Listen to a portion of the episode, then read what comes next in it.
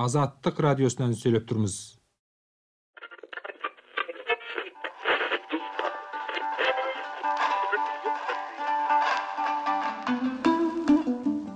азаттык радиосунан сүйлөп турмуз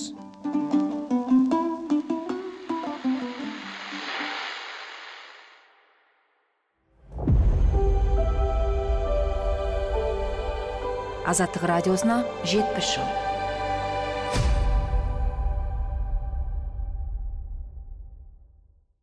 армысыздар.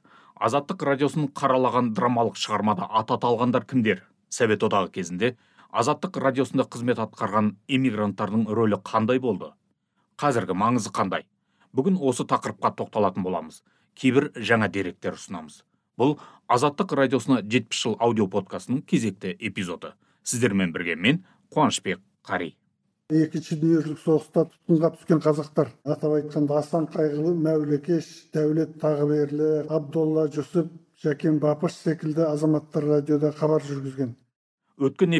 бир миң тогуз жүз алпыс төртүнчү жылы азаттык радиосун каралаган пьеса жазылганын айтканбыз калтай мухамеджановдун жат элде деп аталатын драмасында курбан эсимде кейипкер бар. Зерттөөчүлөр осы құрбанды азаттық радиосы түркістан редакциясын ұйымдастырған қарыс қанатбайдың прототипі деп таниды. Ал асан есімді кейіпкер асан қайғы атымен танылған азаттық радиосында қызмет атқарған мәулікеш қайбалды болуы мүмкін. Олардың шығармада аталатын мамандықтары мен жас мөлшері де прототиптеріне сәйкес келеді. Пьеса желісі ретінде 1950 жылдардың ортасында мюнхенде болған оқиға негізге алынған айтылады. Бұл драма советтік рухта эмигранттарды бір жақты күстаналауға құрылған. Бүгінгі сөздің басын осы драманың кейіпкерлерінен бастағалы отырмыз. Совет қазақстанда мейлінше қараланып оларға жала жабылғанымен көпшілік бүгінде сол кісілерді құрметпен еске алады. Азаттық радиосы олардың кейбірі қайтыс болғанда немесе қазасының жылдығы кезінде арнайы хабарлар беріп отырған. Осыдан бес жыл бұрын яғни 1982 жылдың қараша айының 25 күні батыс германияның мюнхен қаласы маңындағы фюрстенфельдбрук ауданында қарыс қанатбай қайтыс болғанды. Оның жансыз денесі қараша айының 29 күні мюнхен қаласындағы вальдфридхоф деп аталатын қабірстандағы мұсылмандарға арналған орынға апарып жерленді. Қарыс қанатбайдың жерлену салтанатына мюнхен маңында тұратын қазақтар мен қырғыздар өзбектер мен татар және түрікпендер сондай ақ қарашайлар мен қарақалпақтар және түркиелік түріктер мен өзге де мұсылмандар қатысқанды. Сонымен қатар қарыс қанатбайдың жерлену салтанатына неміс және орыс тұқымды көптеген кісілер де келгенді. Қарыс қанатбайдың жерлену кезінде барлық мұсылмандарға тән діни дәстүр аяқталғаннан кейін марқұм жайында қысқа сөз сөйлегендер де болғанды. Бұл 1987 жылы 22 қараша күні азаттық радиосы эфирінен берілген хабардың жазбаша нұсқасынан үзінді. Онда қарыс қанатбайдың жаназасында сөйлеген адамдардың арасында қарашай эмигранттарынан ибрагим қараоғлы татар башқұрт эмигранттарынан аяз оғлының аттары аталады. Осы хабарда қарыс қанатбайдың қабіріндегі гүл шоқтарынан өзіңнің қазақтарыңнан деген жазу бар шоқ гүлдің назар аудартқаны айтылады. Сондай гүл шоқтары түркелі комитетінің және түркістандықтар комитетінің атынан да қойылғаны суреттеледі. Бұл ұйымдар әуелде шетелдегі орталық азиялықтардың большевизм идеяларымен күресуі бағытында құрылғанымен кейіннен эмиграциядағы адамдардың қоғамына айналды. Міне содан бері бес жыл өтті бірақ қарсы қанатбай шеттегі туыстарының есінен кеткен жоқ. Ол бастаған негізін салған істер де доғарылған жоқ. Оның дәл солай екендігіне алматыда қазақ тілінде шығатын білім және еңбек журналының жуырдағы соңғы санында басылған николай чистяковтың мақаласында батыс германиядағы түркістанды азат ету орталығының істері ұласуда делініп шағымдалуы толық кепілдік етеді хасен оралтай әзірлеген бұл хабарда қарс қанатбайдың екінші дүниежүзілік соғысқа совет армиясының артиллерия офицері ретінде қатысқаны айтылады. Кейін тұтқынға түсіп сонда жүріп мұстафа шоқайдың көмегімен босап шығады.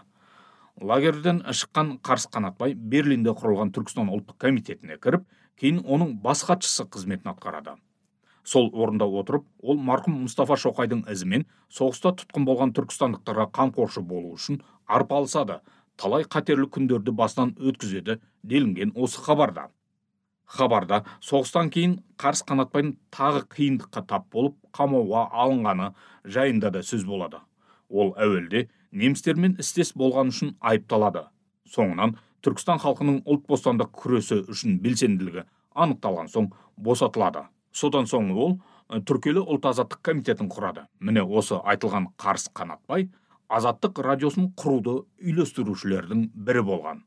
Өзі тікелей радиода қызмет атқармағанымен азаттықтың түркістан редакциясына қарыс қанатбай мен баймырза хайт ұйытқы болған. Азаттық радиосының 1990 жылғы 9 қараша күнгі хабарында қарыс қанатбайдың тағдырына қатысты мынандай жайлар айтылады. Тарихшылардың басым көпшілігі советтік тұтқындардың саяси ұлттық мақсатпен сталин өктемдігіне қарсы тұру үшін нацистердің қолына түскенін атап көрсетуде. Советтіктердің қатарында қазақтар мен орта азиялық басқа халықтар да бар. Германияда тұтқында жүріп кіріскен әрекеттері де олардың сталиндік өктемдікке қарсы ұлт тәуелсіздігіне жетуді арман еткенін байқатып отыр. Джордж фишер борис николаевский йоахим хопман катрин андреев және басқа бір қатар тарихшы власов советтік тұтқындар және оларға қатысты көптеген зерттеулер жүргізіп еңбектер жазды. Солардың ішінде әсіресе советтік түрки мұсылмандардың нацистердің қолында тұтқында жүріп істеген ұлттық қызметтеріне көбірек орын берген неміс зерттеуші патрик фон сүрмюлен болды. Ол 1971 жылы батыс германияның дюссельдорф қаласында басылып шыққан свишен хакен кройст und Sowjetstern der Nationalismus der sowjetischen Orientvölker im Zweiten Weltkrieg қазақша айтқанда свастика мен совет жұлдызы арасында екінші дүниежүзілік соғыс кезінде советтік шығыс халықтарының ұлтшылдығы деген кітабында түркістан ұлттық бірлік комитеті мен власовтың құрған россия халықтарының азаттық комитеті арасындағы келіспестікті жақсы баяндап берген. Кітапта сондай ақ түркістан ұлттық бірлік комитетінің құрылуы мұстафа шоқайұлы комитеттің бастығы вели қайымхан комитеттің хатшысы болған қазақ инженер қарыс қанатбай және олардың жүргізген күрестері турасында да мәліметтер берілген. Сүрмюлен аталған еңбегінде власов жағына өткен түркістандықтар турасында власовтың советтік шығыс халықтары өкілдері қатарында мандымсыз ғана реакция тудырғаны оның өз жағына түрки татар және кавказиялықтардан өте шағын ғана адамдарды тартуы символдық ғана мәнге ие болды. Қайымханның бақталасы болған бес түркістандық қана қарыс қанатбайдың жетекшілігінде 1945 жылдың көкөк айында власовқа қатысып түркістан кеңесін құрды. Қарыс қанатбайдың тікелей ұрпағы болмаса да қазақстанда оның аталас туыстары тұрады. Олар аталарының атын естігені болмаса көзін көрмеген толқын. Соған қарамастан совет одағының тыңшылық мекемелері жендеттік әдетімен оларды үнемі бақылап отырған. Қазір орал қаласында тұратын серік қанатбаев өзіне жасалған қысымды былай деп еске алады. Баяғыда біздің бәрімізді менің әкемді де мені де қудалады ғой. Мен институтта жүргенде келіп қайта қайта. Сенің атаң анда бар екен балалары бар ма екен. Мен қайдан білейін сендер білмесеңдер ол кезде енді ешқандай связь жоқ қой байланыс жоқ. Сонда хатта жазғанбыз бірақ ол кісі маған жауап берген жоқ. Мен сексен төртте институтқа түстім сол сексен бестен бастаған сияқты сол тапсырма болған ғой в общем ана шетелдегі жақындары бар қанатбаевтың мысалы інісі ма біреу оқыса значит онымен байланысқа шығу керек сол арқылы ана кісіні туралы информация білу керек деген сияқты келді ғой маған.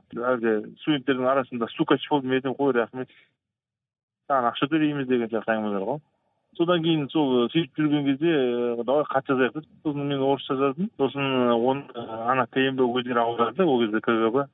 Сосын өздері жіберді сол адреске серік қанатбаев атасынан тікелей хабар ошар болмаса да бертінде оның мюнхендегі зиратына барып елден топырақ апарып салып қабірінен алған топырақты туған жері борсы ауылына әкелгенін айтады.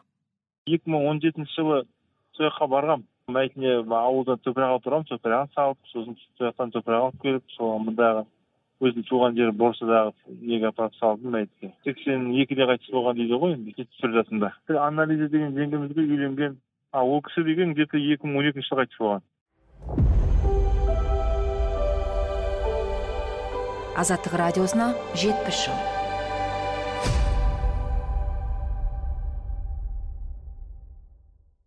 Азаттық радиосында бертінде қызмет атқарып кейін осы радионың іс қызметі туралы оқулық жазған досан баймолданың азаттықтағы алғашқы қызметкерлері туралы пікірі мынандай. Екінші дүниежүзілік соғыста тұтқын болып германияның польшаның концлагерлерінде жүріп мұстапа шоқайдың көмегімен азат өмірге жетпесе де енді ә, тұтқын ретінде емес жаңағы сол германияда өмір сүруге болатын өзінің жаңағы жазу сызу қабілеті бар ұйымдастыру бар қабілеті бар. Біраз азаматтарды мұстапа шоқай тұтқындықтан босатқызған. Бұл тарихи шындық. Соның ішінде осы азаттық радиосының құрылуына ең үлкен себепкер болған кісі бұл ә, қарыс қанатбай деген кісі. Қарыс қанатбай. Одан кейін дәулеткерей тағыберлі деген тағы үлкен ағамыз болды. Жәкебай бапыш. Мәулікеш қайбалды мәулікеш қайбалды асан қайғы деген сондай қосалқы атпен ол кісі өзінің хабарларын жүргізген. Бұл кісілер кезінде сол кеңес одағының кезінде бұл кісілер өте үлкен жұмыстар істеген кісі. Тіл маманы болған ақын болған жазушы болған. Осы кісілердің басын біріктіріп бір тұтас ә, түркістан қоғамын орнатып құрып сөйте сөйте осы ақырындап мынау азаттық радиосына қарай барып отыр. Осы аттары аталған адамдардың ішінде мәулікеш қайбалды азаттықтың түркістан редакциясының алғашқы басшыларының бірі болған.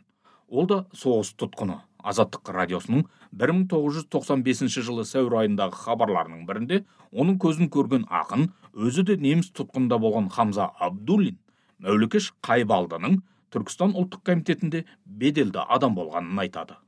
Мәулікеш қайбалдин өте біздің комитеттегі ең ең беделді ең күшті адамның өзі болатын тұғын мәулікешті алматының қазақтары осыға шейін мынау диқан әбіл барлығы хамит ерғали барлығы біледі.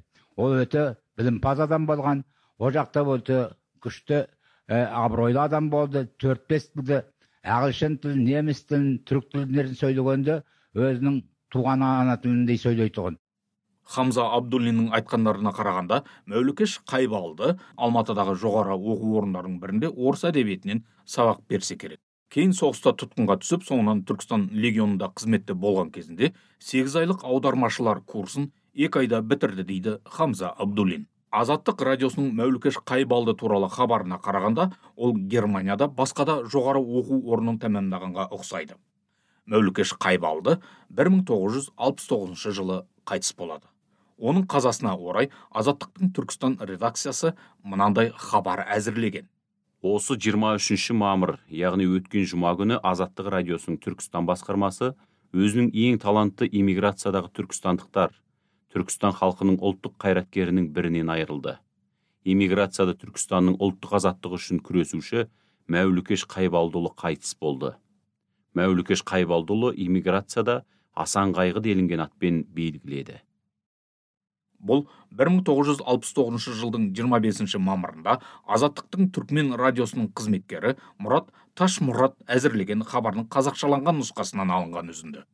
Хабарда оның қысқаша өмірбаяны айтылады. Абзал ағамыз мәулікеш қайбалдыұлы 1915 жылдың 20 маусымында орал бойында дүниеге келгенді. 1936 жылы ленинград университетін бітіреді. Бұдан кейін туған елі қазақстанның астанасы алматыға келген мәулікеш ағай бұл жерде сср ғылымдар академиясының қазақстандағы бөлімшесінде қазақ әдебиеті мен фольклорын зерттеумен шұғылданады. Бұл игілікті ісін 1941 жылға дейін ұластырады. Дүниежүзілік екінші соғыстың басталуымен мәулікеш ағай әскерге алынады. Өз елін билеп төстеуші зомбылық жүйенің мүддесі үшін емес туған халқының ұлт азаттығы үшін күресуді мұрат етеді. Түркістан халқын отарлаушы советтік қызыл қосындардың қатарында күресуді тілемей өз еркімен неміс қосындары жағына өтеді. Сонымен мәулікеш ағай 1942 жылдың аяғында берлиндегі түркістан ұлттық азаттық комитетінде өзінің ұлы арманы түркістан халқының ұлттық азаттығы үшін күреседі. Мәулікеш ағай 1943 жылдан 1946 жылға дейін батыс германияның хейдельберг қаласындағы және франкфурттағы университеттерінде фәлсафа факультетінде оқиды. Сол кезде мәулікеш ағай немістің көрнекі классиктерінен гетенің және шиллердің кей еңбектерін қазақшаға аударады. Мәулікеш қайбалды әйгілі қырық өтірік ертегісін неміс тіліне аударса керек. Оның неміс тілінде жұмақтан жеткен жансауға деп аталатын роман жазған туралы дерек бар. Азаттық радиосына жетпіс жыл.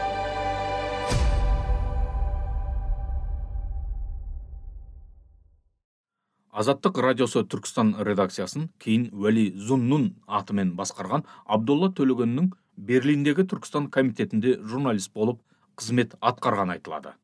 Жәкебай бапыштың айтуынша азаттық радиосының қазақ бөлімінде басшылық еткен дәулеткерей тағыберлі де соғыс кезінде тұтқынға түсіп кейін босағанда түркістандықтардың ұйымдарында қызмет атқарған. Ол басқарған кезде азаттықтың қазақ тілінде хабар тарататын бөлімі түркістан үш редакциясы аталып жеке бөлініп шығады. Ал жәкебай бапыш кім еді? Азаттықтың қазақстандағы алғашқы тілшілерінің бірі болған саясат бейсбай 90 жылдардың басында мюнхенге тағылымдамадан өтуге барғанда бұрын радиода абдулла дүсіпов атымен қызмет атқарған сұлтан қабыл жүсіпов пен жәкебай бапышты көргенін айтады. Сұлтан қабыл жүсіпов туралы азаттық радиосына жетпіс жыл подкастының өткен аптадағы эпизодында айтылған. Ал қазір саясат бейсбайдың пікірін тыңдасақ.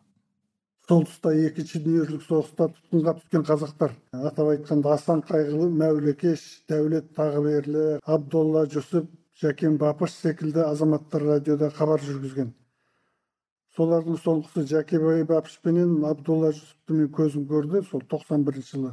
Жәкебай бапыштың көзін көріп бір апта үйінде болып өмірімен өткен радиодағы қызмет туралы сұхбаттасқан едім енді ол кісі тұтқынға түсіп сосын бавария орманында жүріп сол қайта алмай сол жерде туберкулез болғаннан кейін екі жылдай сол жерде диспансерде емдейді сосын ә, нюрнбергтегі радиотехникалық институтқа оқуға түсіріп техникалық мамандығын алып шығып сосын радиоға орналасады ғой қызылорда облысының қармақшы ауданынан қарындасы қалған үш жасар қарындасы қалыпты. Кейін тоқсан алтыншы жылы елу үш жылдан кейін алматы кездесу болды ертіп бардық. Сосын жаңағы абдолла жүсіп деген кісі тоқсаныншы жылдары қайтыс болды тоқсан бірінші жылы ғой деймін. Азаттық радиосының қазақ бөлімін жәкебай бапыштан кейін басқарған хасен оралтай туралы азаттық радиосына жетпіс жыл аудио подкастының 2023 жылғы 6 мамыр күнгі эпизодында кеңірек тоқталғанбыз. Ол алпысыншы жылдардың соңындағы азаттық радиосындағы жаңа толқын өкілі. Кейін жетпісінші сексенінші жылдары радиоға түркиядағы еуропадағы диаспора өкілдері тартыла бастады. Әбдіқайым бірғазыұлы талғат қосжігіт мұқабай енгін өмірхан алтын әлихан жаналтай ісмет бичер нұркамал пынар әбдіуақап қара гүлхан хайретолла есімдермен қатар сирек те болса осы радиода жұмыс істеді делінген еркін алыптегін саттар чобанның есімдері де аталады. Қазақстан тәуелсіздік алар қарсаңда радионың қазақстандағы алғашқы тілшілері қиял сабдалин мен саясат бейсбай алматыдан жұмыс істей бастайды. 1993 жылы азаттық радиосының алматыдағы бюросы ашылады. Азаттық радиосының кеңсесі 1995 жылы германияның мюнхен қаласынан чехияның прага қаласына көшкеннен бастап иммиграция және диаспора өкілдерінің орнын тағы бір жаңа толқын қазақстандықтар басады. Ал азаттық радиосында 80 жылдары қызмет атқарған махмет құлмағанбетті мамандығы тарихшы әбдіуақап қара орталық азиядан шыққан дара диссидент деп бағалайды. Махмет құлмағанбет советтік қазақстанда жүргенде ленинизмге ревизия жасау керек дегені үшін алпысыншы жылдары ұзақ мерзімге сотталады. Кейін босаған соң амалдап шетелге қашып шығады. 1980 жылдан бастап ол азаттық радиосында жұмыс істейді. Қазақстан тәуелсіздік алғаннан кейін махмет құлмағанбет ақталады. Ал қазіргі қазақстан билігінің эмиграцияға кеткен қайраткерлерді қашан толық ақтайтыны белгісіз. Қоғамда екінші дүниежүзілік соғыста тұтқынға түсіп еуропада қалып шетте жерленген адамдардың сүйегін елге жеткізіп бір қорымға қайта жерлеу туралы айтылып қалады. Әділет тарихи ағарту қоғамының басшысы жаңалық саяси қуғын сүргін музейінің аға ғылыми қызметкері ғарифолла әнестен осы туралы анықтап сұраған едім.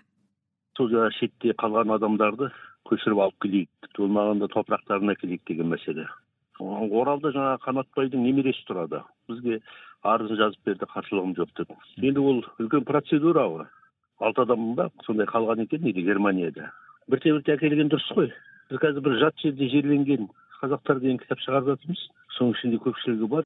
Азаттық радиосында совет одағы кезінде қызмет атқарған адамдардың еңбектері ұшан теңіз. Оның дәлелі азаттықта ұзақ жылдар бойы айтылған жайлардың кейін ақиқатқа айналғаны дер едік.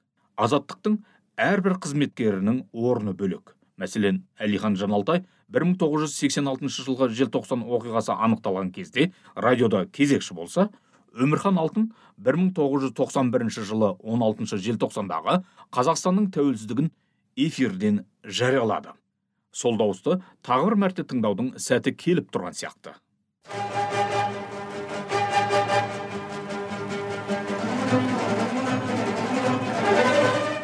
Азаттық радиосынан сөйлеп тұрмыз. Құрметті тыңдаушылар қиял сабдалы көптен бері күтілген сондай ақ халқымыз үшін аса қуанышты бір хабарды жеткізді. Бұған көре қазақстан парламенті қазақстан жұмһуриятының тәуелсіздігін дүйсенбі күні кешін жариялаған. Тәуелсіздік үшін 270 депутат мақұл дауысын берсе 12 депутат оған қарсы болған. Екі депутат дауысын сақтап қалғанда үш депутат дауыс беруге мүлдем қатыспаған.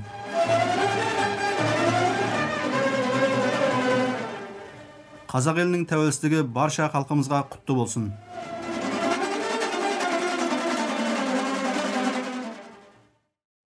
Осымен азаттық радиосына жетпіс жыл аудио подкастының бүгінгі эпизоды тамам. Алдағы эпизодта азаттық радиосы қазақ бөлімінің бұрынғы директорымен болған сұхбат беріледі. Подкасттың барлық эпизодын азаттық сайтынан подкаст платформаларынан және азаттықтың YouTube арнасынан тыңдай аласыздар. Келесі эпизодта кездескенше сау саламат болыңыздар азаттық радиосына жетпіс жыл